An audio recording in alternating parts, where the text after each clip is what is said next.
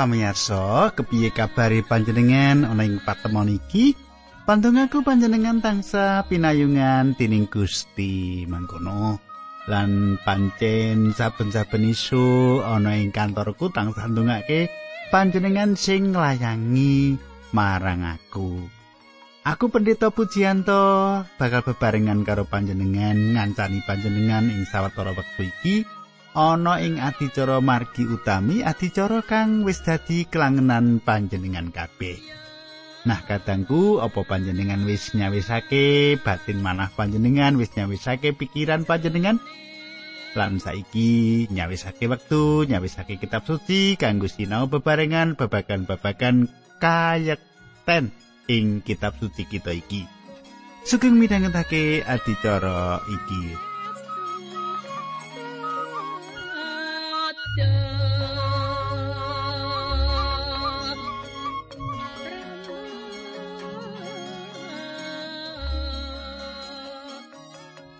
Kadangku, adicara kepungkur kita wis sinau, wis nyemak. Apa kang didhawuhake Gusti Allah marang Nabi Musa bab arep tibane wewelak sing kaping 10. Lalakon iki nggambarake prastawa Paskah kaya sing tansah kita pengeti ing saben-saben. Apa wae to sing dibeberake dening Nabi Musa ing kitab pangentasan iki? Ayo kita semak bebarengan. Nanging sadurunge kuwi kita bakal ndedonga. Nanging aku bakal ngaturake salam dhisik marang Bapak Pendeta Muda Yohanes Budianto. Pak Yohanes Budianto pendengar kang paling setia katangku. Dados pundi Pak Pendeta Yohanes Budianto?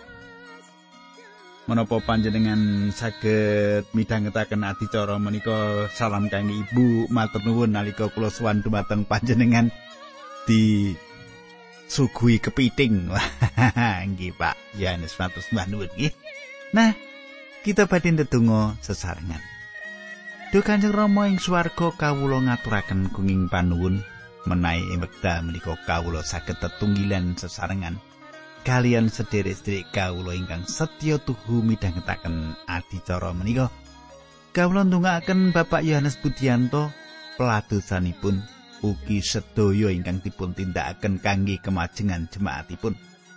Mboten namung Pak Yohanes kemawon nanging sedaya para abdi Gusti ingkang ugi midhangetaken pangandikan paduka kayektosan ingkang kawedharaken saking kitab pangentasan menika supados Gusti Yesus piyambak ingkang mitulungi tantangan-tantangan gesang ingkang kedah dihadapi kawula suwun Gusti piyambak ingkang mitulungi lan Gusti piyambak ingkang badhe merantasi sedaya tantangan ingkang dipun adepi para abdi Gusti menika. Linambaran asmanipun Gusti kawula Yesus Kristus kawula ndedonga haleluya amin.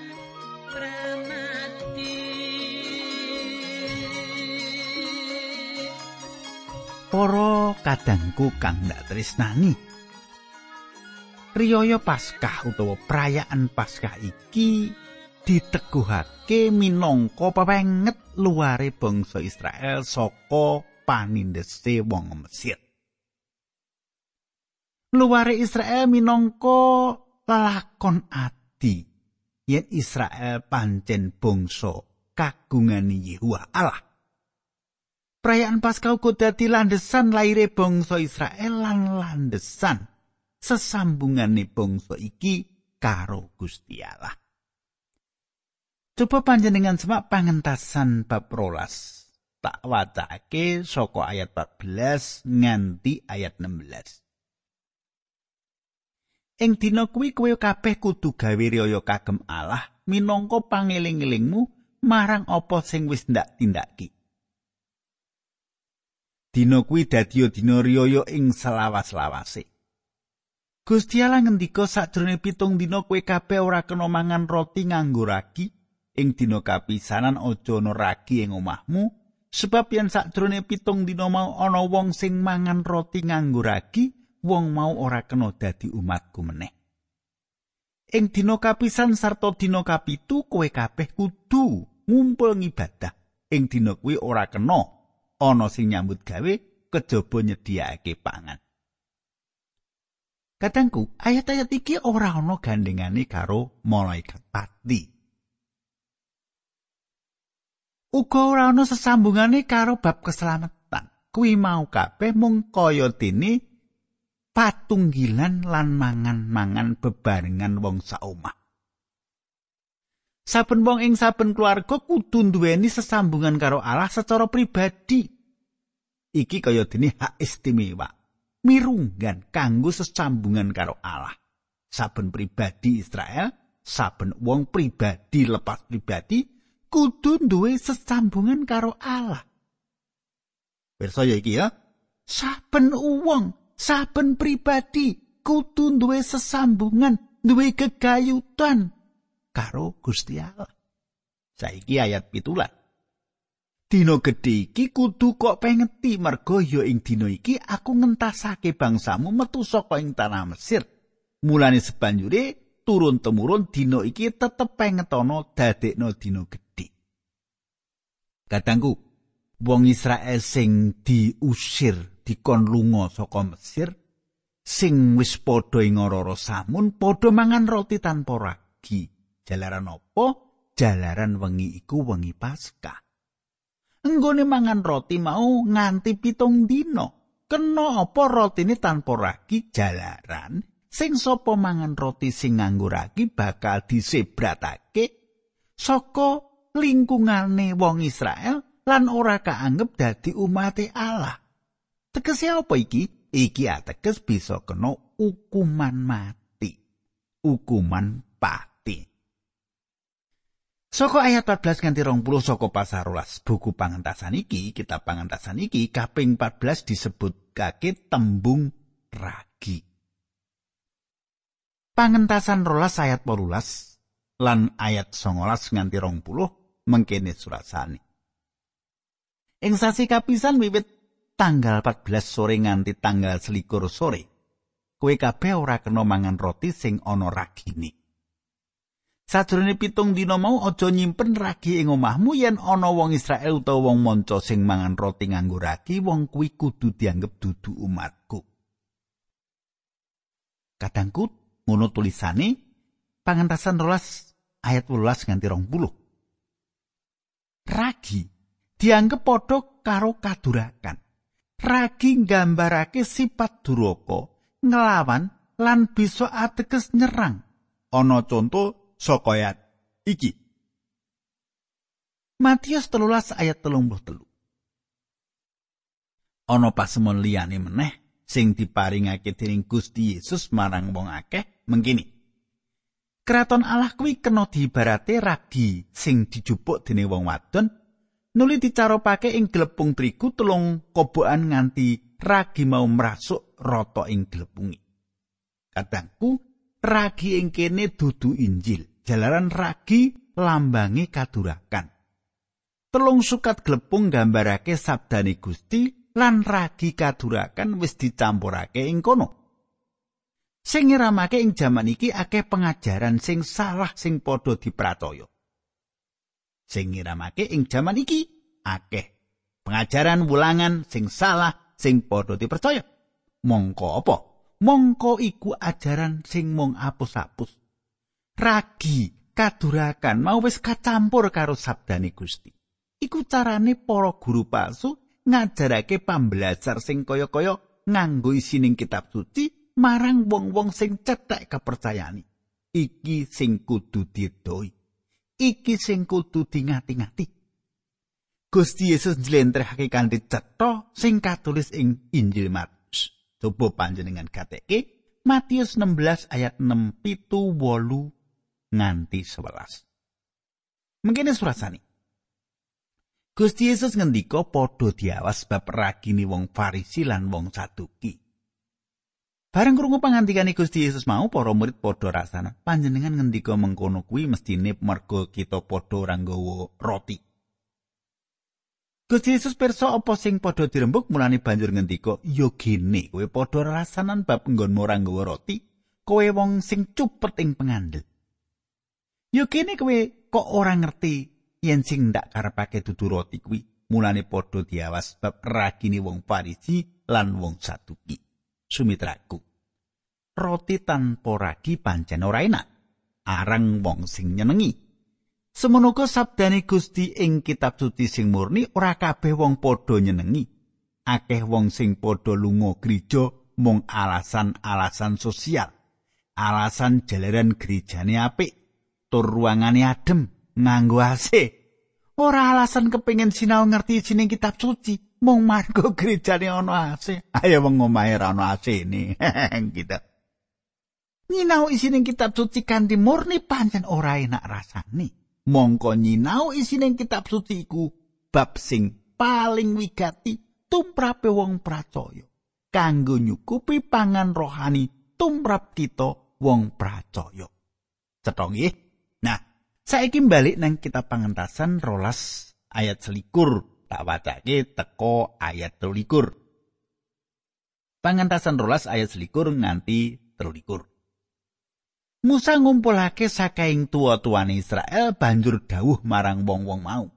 Lunga, golek cempe wedhus gembel utawa cempe ning wedhus birok lan sembelian supaya brayatmu mangerti riyaya Paskah. Njupuwa suket isop. Satekem banjur celupno ing bokor sing isine getieng kewan mau sarta oser-oserno ing pipining lawang lan ing dhuwure. Sapa wae ora kena metu saka omah nganti esuk? Semasa Gusti Allah tindak ndrajai negara iki ndawahake wewelak marang wong Mesir panjenengane bakal mirsa getih ing dhuwur sarta ing pipining lawang. Temah bakal orang lilani malaikat sing nekake wewelak mlebu ing omahmu Katangku. Mesine panjenengan kepengin pirsa kepriye carane ngusar-usari getih ing pipining lawang. Carane nganggo tanduran sing jenenge hisop. Hisop iku tetuban sing tukul ing watu karang. Yo hisop iki sing kanggo piranti ngelaburake getih ing pipine lawang. Hisop iki kaya dene iman. Rai Sang Kristus dilaburake ing urip lan ati kita nganggo hisop. Mesine panjenengan percaya apa sing ditindakake Gusti kita Yesus Kristus tumrap panjenengan. Gusti Yesus sedo jalaran tresno marang panjenengan. Nah, kita bakal ndeleng wewelak sing kaping 10. Iki wewelak pungkasan sing ditibakake marang Mesir. Nanging Allah wis nyapmatakake umate. Wis nyawisake umate. Wis kaping telu wewelak sing pungkasan iki Israel kalis saka bebayane wewelak nanging kanggo webalak sing kaping 10 sing pungkasan dewi iki tanah Gosen panggonane wong Israel iki ora dibedakake. Malaikat pepati uga arep nglalang Gosen. Kejaba yen ing omahe keluarga Israel mau wis diosar-osari getihe cempe bakal dilewati ngono wae lan wilujeng anak-anake pembarep. Upamane ana wong Mesir sing nindakake kaya sing ditindakake bangsa Israel mesti Gusti Allah uga marangake tegese para anak mbarep ora bakal katerjang wewelak sing gegirisi iki yen ana sedulur sing pracaya marang pangorbanane Gusti Yesus minangka panebuse dosa. Mesti wae bakal ditampa kaya panjenengane lan aku diakuni para putrane Saiki panjenengan nyemak bab rolas ayat 4 tak watake nganti tekan ayat telung puluh. Coba panjenengan gateki. Mulane kewelan anak putumu kudu padha nindakake pernatan iki ing salawas-lawase. Yen kowe kabeh wis padha mlebu ing negara sing diparingake Allah kaya sing dijanjekake padha netepono upacara kuwi, dene yen anak-anakmu padha takon apa karepe upacara mau, kowe kudu mangsuli ya iki kurban riyaya Paskah kanggo ngurmati Gusti Allah. Sebab omahe wong-wong Israel dilangkungi nalika Allah mejahi anak-anake mbarep wong Mesir mongko kita diayomi. Wong Israel banjur padha tumelung lan sumengkem sujud. Sawise mengkono li padha lunga nindakake apa sing didhawuhake dening Allah marang Musa lan Harun. Ing tengah wengi Allah mejahi saben anak pembarep ing tanah Mesir, wiwit pembarepe sang pringon nganti pembarepe wong tahanan ing pakunjaran malah tekan kewan sing lair kawitan iya dipateni. Ayat 30. Ing wengi kuwi sang pringon para panggedhe sarta wong Mesir kabeh padha tangi ing satana Mesir kabeh keprungu tangis lan panjerit sing trenyohake merga ora ana omah siji wae sing ora kepaten anake lanang barep kadangku wewalak sing pungkasan iki njabel kabeh anak pembarep iki ditujokake marang kabeh atine manungsa sing ketrajang mesti wae Gusti Allah iku dudu sawijining jat sing kriminal. Gusti sing maringi, Gusti sing mundut bali. Pinuji asmane Gusti. Panjenengane kang nyiptakake panguripan nanging panjenengane uga sing kepareng jabel bali. Bengi iku prengon grigah tangi lan sabdane Gusti ngandika. Pangentasan bab rolas ayat telung puluh siji nganti telung puluh loro mengkini. Ing bengi kuwi uga sang pringon nimbali Musa lan Harun sarta dawuh. Lunga saka kene kowe sarta bangsamu, metu saka negaraku. Lunga saus kurban marang Allahmu kaya sing kok karepake. Wedhus gembel wedhus Jawa sarta sapimu kabeh gawanen. Lunga, aku padha suwono berkah. Katengku, prengon kudu pasrah bongkoan kalah. Wawalak mati ni anak barep wis nerajang keluargane prengon. Panjen Gusti Allah ora miwiti pakaryane ngagem wawalak mundut kabeh anak pembarep nanging ngagem tekene Nabi Musa nglawan dukun-dukun sing ana Mesir. Upamane prengon nurut apa kersane Allah, wawalak ora bakal kedadian. Ora bakal dumati. ora ana korban ing Mesir. Ora bakal ana korban ing Mesir. Dadi kabeh sing kedadian ora jalaran Allah sing luput nangin prengon sing mangkotake atine. Saiki ayat telung puluh telu. Kaya mengkono wong-wong Mesir padha nesek kanthi adreng marang bangsa Israel supaya padha inggal lunga saka ing tanah Mesir. Pangucape yen kowe ora enggal lunga aku kabeh mesti padha mati. Kadangku wong Mesir ora ngerti besok kapan paukuman saka Allah iki rampung? Mongko anak-anake pembarap wis padha dikeparengake dipundhut bali dening Allah sakwisi anak barep dipundhut kabeh mati kabeh banjur apa meneh bisa-bisa malah kabeh wong Mesir padha mati jalan wewelak nuli pringon lan wong Mesir padha njurungi Israel ninggalake Mesir. Kuatir was-was yen Allah arep ngebak kabeh bangsa Mesir, arep nyirnakake kabeh bangsa Mesir. Pangentasan rolas telung puluh papat nganti telung puluh pitu. Pangentasan bab rolas ayat telung puluh papat nganti telung. Mengkini surasani. Wong-wong Israel banjur padha njupuk roti sing isih wujud jladren tanpa ragi kabuntel ing srendang nuli disampirake ing pundhake. Wong-wong mau wis nindakake apa sing didhawuhake dening Musa. Mengkono uga iya wis padha njaluk barang-barang mas-masan lan sloka sarta sandangan marang wong Mesir. Allah ndadekake wong Mesir padha ngajeni marang wong Israel sarta menehi apa wae sing dijaluk. Dadine wong Mesir persasat dijarah layah dening wong Israel. Wong Israel banjur padha budal saka kutha Ramses menyang kutha Sukot. Cacahe wong lanang wetara 600.000. Ora kepitung wong wadon lan bocah-bocah. Katangku sajake wong Israel ninggalake Mesir luwih saka sak yuta wong. Malah bisa nganti rong yuta wong. Ana 600.000 wong lanang sing padha mlaku ninggalake tanah Mesir. Iku durung kapitung wong wadon lan bocah-bocah. mengkono mau tulisane ing kitab suci. Saiki ya 38. Akeh wong-wong bangsa liya werna-werna padha melu, mengkono uga akeh banget wedhus gembel, wedhus Jawa sarta sapi kang iya padha digawa. Katengku. Sak jabani bangsa Israel ana sawetara bangsa liyane uga melu bodol ninggalake Mesir. Pancen ing mengkone wong-wong iki gawe masalah ing dalan. Ana ing kemahe bangsa Israel gawe masalah. ing kitab bilangan bakal bisa kita temokake lelakon ngenani bangsa liya ing tengahing bangsa Israel. Sebab wong-wong iki padha gawe onar, kaco, ribut. Wong-wong iki turunan campuran antarane bangsa siji lan sijine ing Mesir. ya ana sing saka keturunane bapak Mesir lan ibu Israel. Ana uga bapak Israel ibu Mesir, akeh sing padha melu metu saka Mesir nanging uga akeh sing milih tetep manggon ing Mesir. Wong-wong campuran iki nggone ninggalake Mesir ora kanthi gumolong ing ati. Nalika alangan teka lan angele urip ing dalan ing ora-ora samun banjur padha sambat. Banjur padha angluh.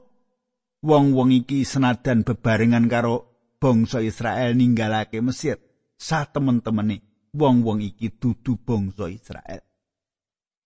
Kadangku kaya kahanane gereja sing warga pasamane ana sing durung dadi wong Kristen sing satuhu sing tenanan wong-wong mau isih campuran campuran nika warna kapercayan.